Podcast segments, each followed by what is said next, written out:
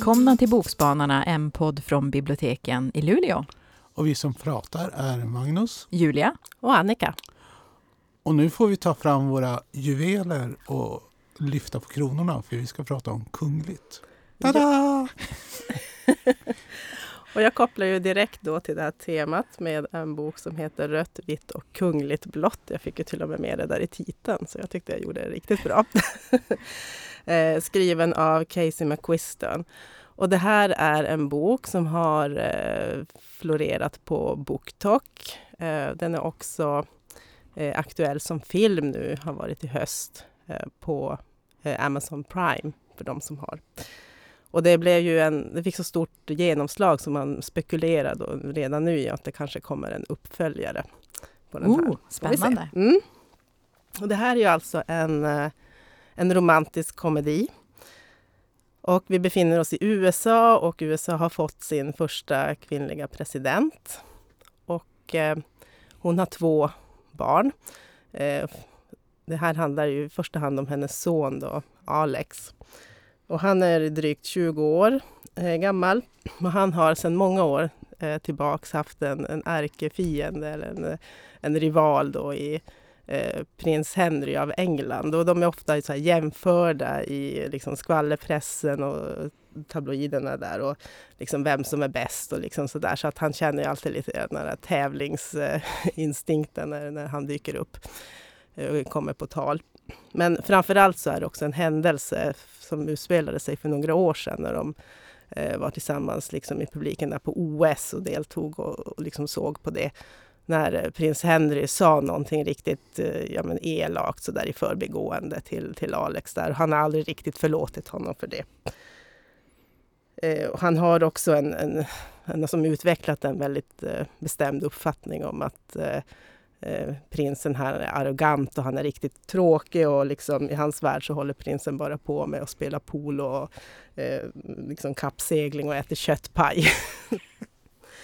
Eh, Alex han avskyr också allt vad imperialism och liksom, eh, kolonialism och liksom monarkier eh, heter. Och, eh, men nu är det ju så här att prinsens äldre bror Filip, han ska gifta sig. Det är bröllop, stort kungligt bröllop och liksom hela societeten är ditbjuden. Och Alex han kan som inte komma undan det här, han måste liksom närvara eh, liksom i andan av internationella relationer.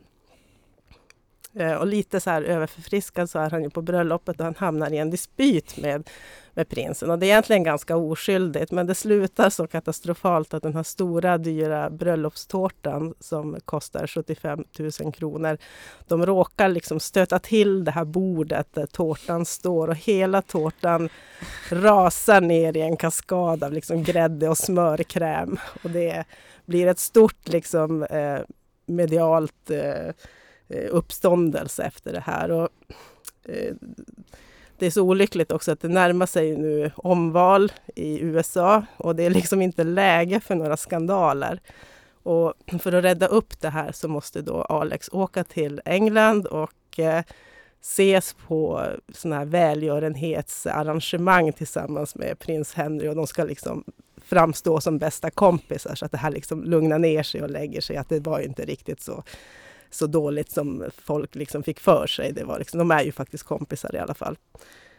Och han gör det liksom mot sin vilja. Eh, och det är ganska frostigt i början och liksom så här biter ihop och leendena inför kamerorna. Eh, men då är det vid något tillfälle då de eh, besöker ett sånt här sjukhus för, för cancersjuka barn. Som eh, Alex får en, en liten glimt av en annan sida hos prins Henry. När han liksom bara råka titta in i ett rum där prinsen är liksom tillsammans med en, en av de här patienterna, en sjuk flicka. Och han är, han är väldigt så varm och liksom engagerad. Och, och det stämmer inte riktigt överens med liksom Alex bild av prins Henry. Så han är lite konfunderad att ja, men det där var ju kanske lite, lite ovanligt. Men, men. Och det slutar det här besöket med att han får Henrys telefonnummer. Det är lite som mer av en, en ja, slump, en ingivelse från, från prins Henry. Det är lite så här i förbifarten, så jag tänker inte så mycket mer på det. Men det här blir också början på ett sånt här sms-krig eh, liksom, som de har. Eh, och liksom skicka meddelanden till varandra. Och egentligen så är det mest så milda förolämpningar i början. så att eh, Eh, ja. Eh, men det här utvecklas ju så småningom till någonting lite mer som när eh, Alex föräldrar, eh, ja, som är skilda egentligen, men de träffas på en middag och det blir bråk på den här middagen och Alex är liksom upprörd över det efteråt. Och vem ringer han då? Jo, han ringer till prins Henry mitt i natten. på grund av tidsskillnaden då så är det ju lite olägligt kanske när han ringer. Och, eh, så att det blir ju som sagt lite mer och, och, prinsen han får en inbjudan till nyårsfesten här i, i Vita huset också. Och eh, det är väl ingen liksom, stor spoiler att man anar vars det här liksom, eh, lutar, vad som kommer att hända. Men det är liksom inte poängen utan själva resan är ju den här eh, enemies to lovers-tropen, alltså som eh, alltså där liksom fiender så småningom utvecklar känslor för varandra. Och det här är eh, det här är en väldigt söt berättelse egentligen. Den är väldigt, väldigt gullig. Eh, och eh, det är liksom omöjligt att inte nästan sitta och le hela tiden med någon läsare. Det är en smula fånigt men det är också väldigt, väldigt rart på något sätt. Så jag skulle säga att det här är som en, en enda eh, kopp med varm choklad och emellanåt kanske ganska het choklad. Oh. Eller hur? Jo, jag eh, gillade den också. ja, det tror jag. Jag tror det är hela liksom köret. Jo, allt. Allt. Ja.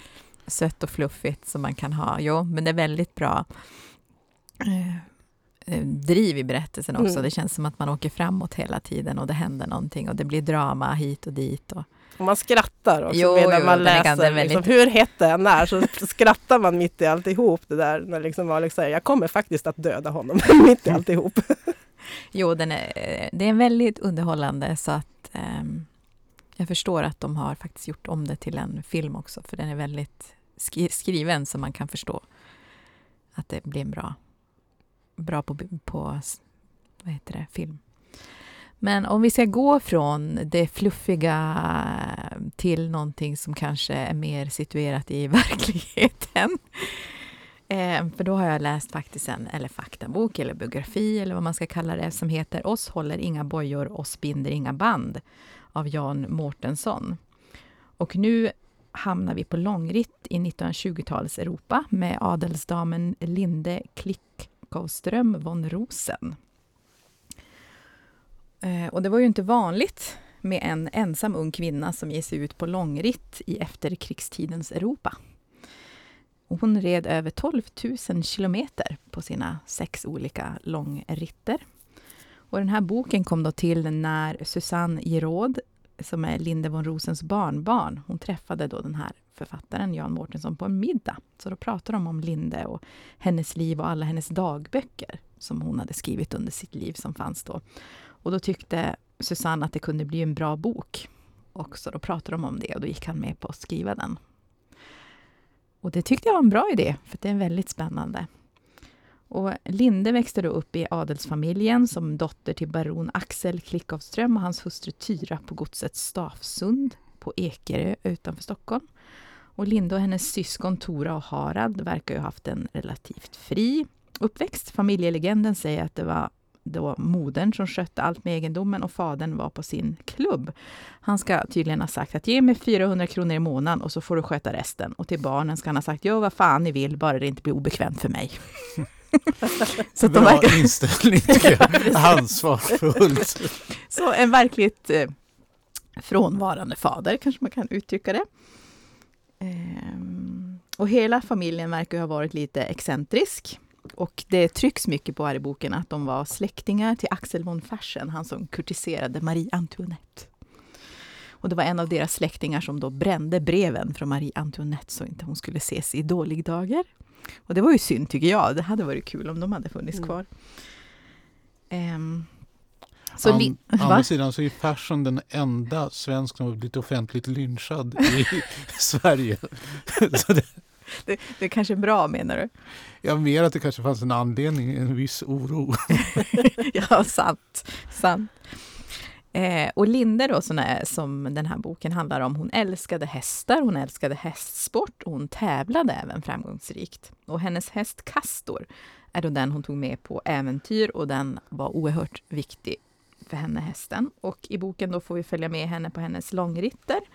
Och den första gick till Paris för att hälsa på systerns Tora som hade flyttat dit några år tidigare och träffat och gift sig med konstnären Nils Dardell. Och det tog då Linde över en månad att rida de 200 milen dit.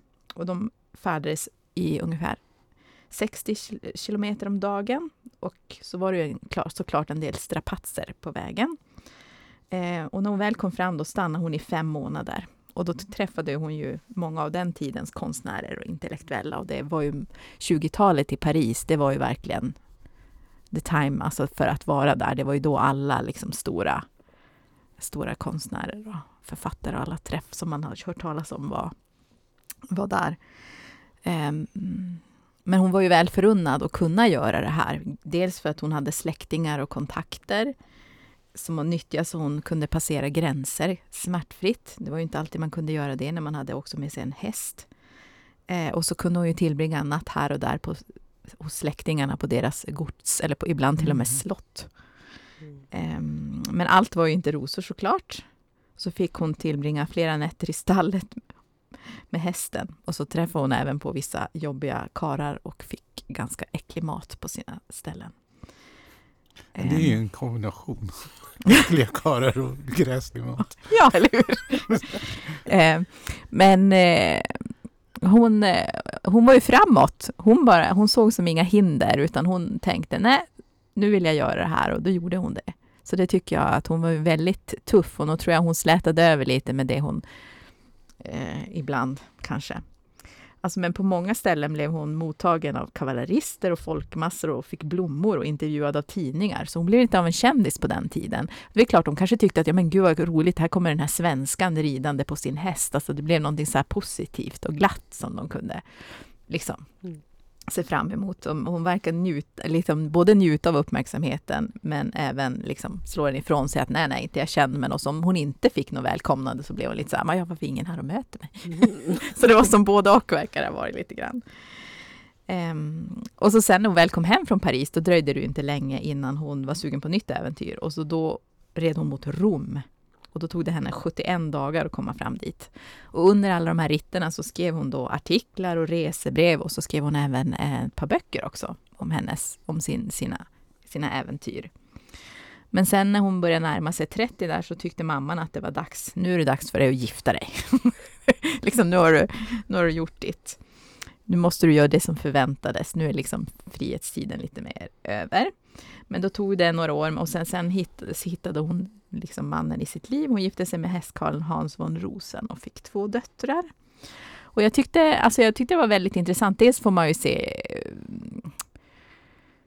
en liten bild av hur tiden var för liksom en, en kvinna, en väldigt privilegierad kvinna ändå eh, under den tiden och hur det såg ut i lite grann i Europa.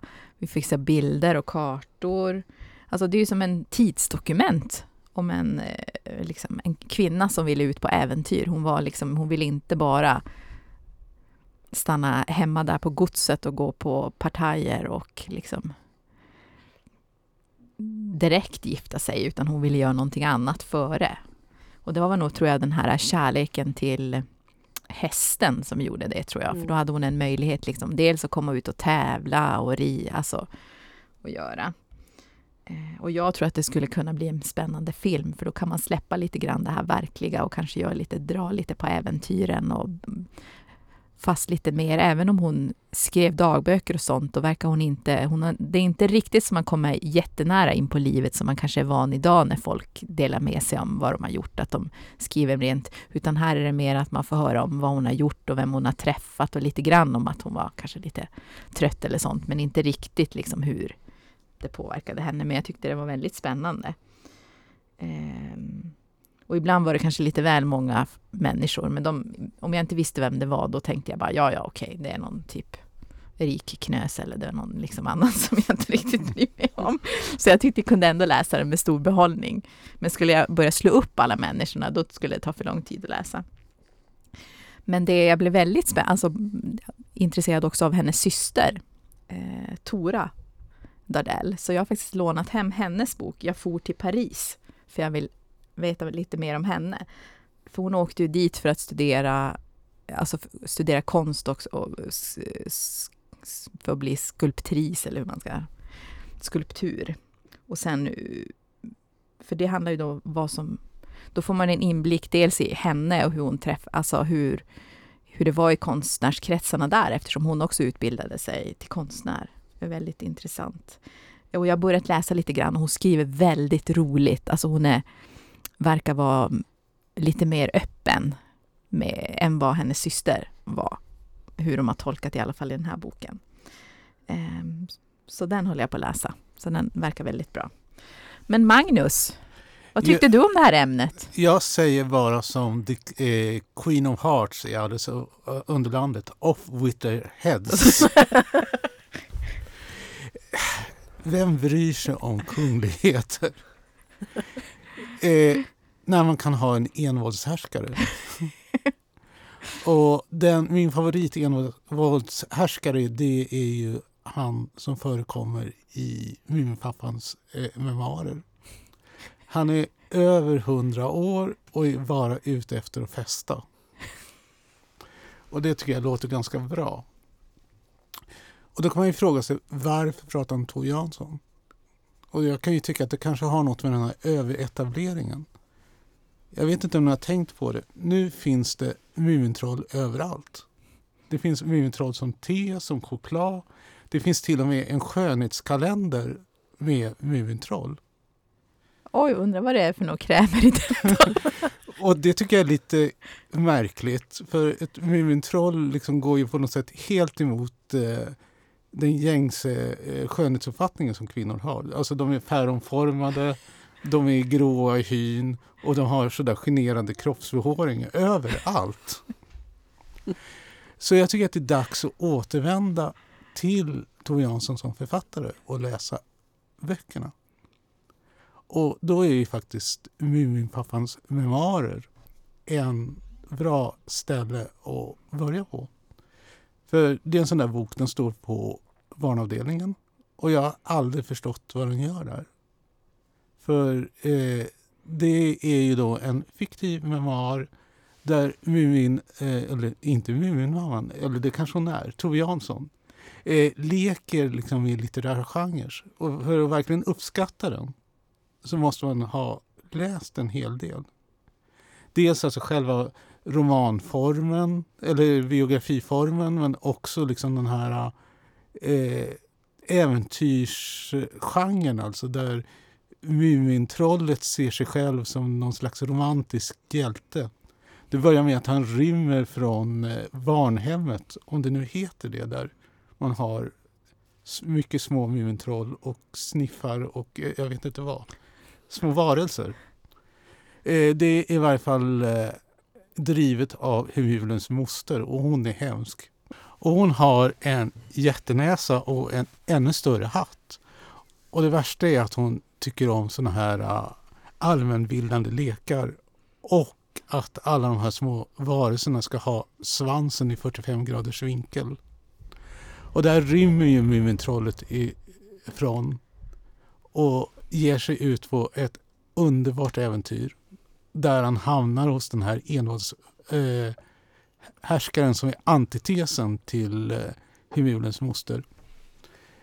Tyvärr måste jag säga att jag kanske mer är Himulens moster än jag är denna livsbejakande människa som bor i någon slags nöjespark med eh, fontäner som sprutar upp när folk kommer i närheten bara därför att det är så roligt att se när folk blir våta och små broar som kollapsar när folk går över dem.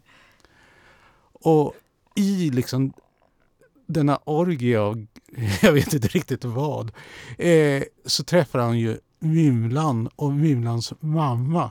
Och det är här som det börjar bli lite sådär, är det här riktigt anständigt? För Mymlans mamma hon får barn hela tiden. eh, och Mymlan måste ju ta hand om dem och så går hon iväg och de får, får ut på äventyr och så träffar hon sin eh, mamma igen. Och så frågar hon hur många barn har du nu? Och så säger Jonas mamma, ingen aning. och det är väl det som jag älskar med Tove Jansson. Hon kan vara så gränslös och hon är så rolig. Och även där hon arbetar med olika stilar. Alltså det är, ramberättelsen det är ju att Muminpappan ska skriva sina eh, memoarer och så sitter han på kvällarna och läser ka kapitlerna för, för sina barn då. Och det har vi redan sett, eh, sagt tidigare att hon emulerar en klassisk äventyrsberättelse med sjunkande skepp. Eh, Mumin, pappan räddar folk ur vågorna. I den finns också eh, parodier på deckarhistorier, alltså sådana här riktigt blodiga deckarhistorier som groteskt nog utspelar sig i en ubåt på havets botten där, om jag kommer ihåg rätt, eh, dronten Edward har trampat på den så att den eh, sjunker. Och det är någon otäck kattfisk också. Och för att lugna sina syskon så börjar liksom Mymlan berätta den här helt absurda eh, deckaren med den blodiga handen som liksom eh, han hittar och liksom meningarna är eh, skrivna så är bara en enda långt flöde. Och det verkar barnen gilla så. Det är väl alltså, barn kanske är små blodtörstiga varelser. Eh, det, alltså det enda jag kan säga, läs den. Och gör inte som dronten Edvard. Sätter inte på vassa stenar. För då jag måste ju prata om drottning Edvard innan jag avslutar. Eh, han är en mycket stor varelse som är urfattig eftersom han sätter sig på människor eller trampar på människor eller andra varelser då och då. Och då blir han väldigt ledsen och då måste han betala deras begravningar. eh, så för mig är Tove Jansson drottningen av svart humor och eh, teknisk eh, litterär briljans. Det finns ingen som är mer träffärdig än hon. Absolut, man måste läsa mer känner jag. Mm. En riktig klassiker. Det är en klassiker. Och eh, så Strunta i de här nyproducerade eh, Muminböckerna som är någon slags klippart som inte kan göra en människa eh, glad. Gå på kapitelböckerna, läs dem tillsammans med era barn, läs dem för er själv och framförallt läs dem för mig, för jag blir jätteglad om de blir utlånade. Det är vad du skulle säga om det var en våldshärskare du skulle kommendera folk att läsa. Ja, alltså då skulle man bara få läsa Tove Jansson och vara de godkända. Förstår det. Absolut. Men i detta avsnitt så tipsade jag om Oss håller inga bojor, Oss binder inga band av Jan Mårtensson. Jag måste fråga, är det den Jan Mårtensson som har skrivit en massa deckare? Eller är det någon annan Jan Mårtensson? Det var en bra fråga. Det vet jag faktiskt inte. Det vågar jag inte svara varken ja eller nej på. Okej, okay, då ber jag om ursäkt det, det kan man... Det får vi... Det får jag vi får googla. Vi får googla. Det här är ett tecken på att vi inte är artificiell intelligens. Vi kan ha fel. Eller så är det bara väldigt utstuderat eh, fel vi gör här. Precis. Förvilla alla människor. Eller hur? Vad tipsade du om, Annika? Ja, jag berättade om Rött, vitt och kungligt blått av Casey McQuiston. Och jag talade lite förvirrat men kanske lyriskt om Muminpappans memoarer av Tor Jansson. Ja, tack så mycket för denna gången. Hej då. Hej då. Hej hej.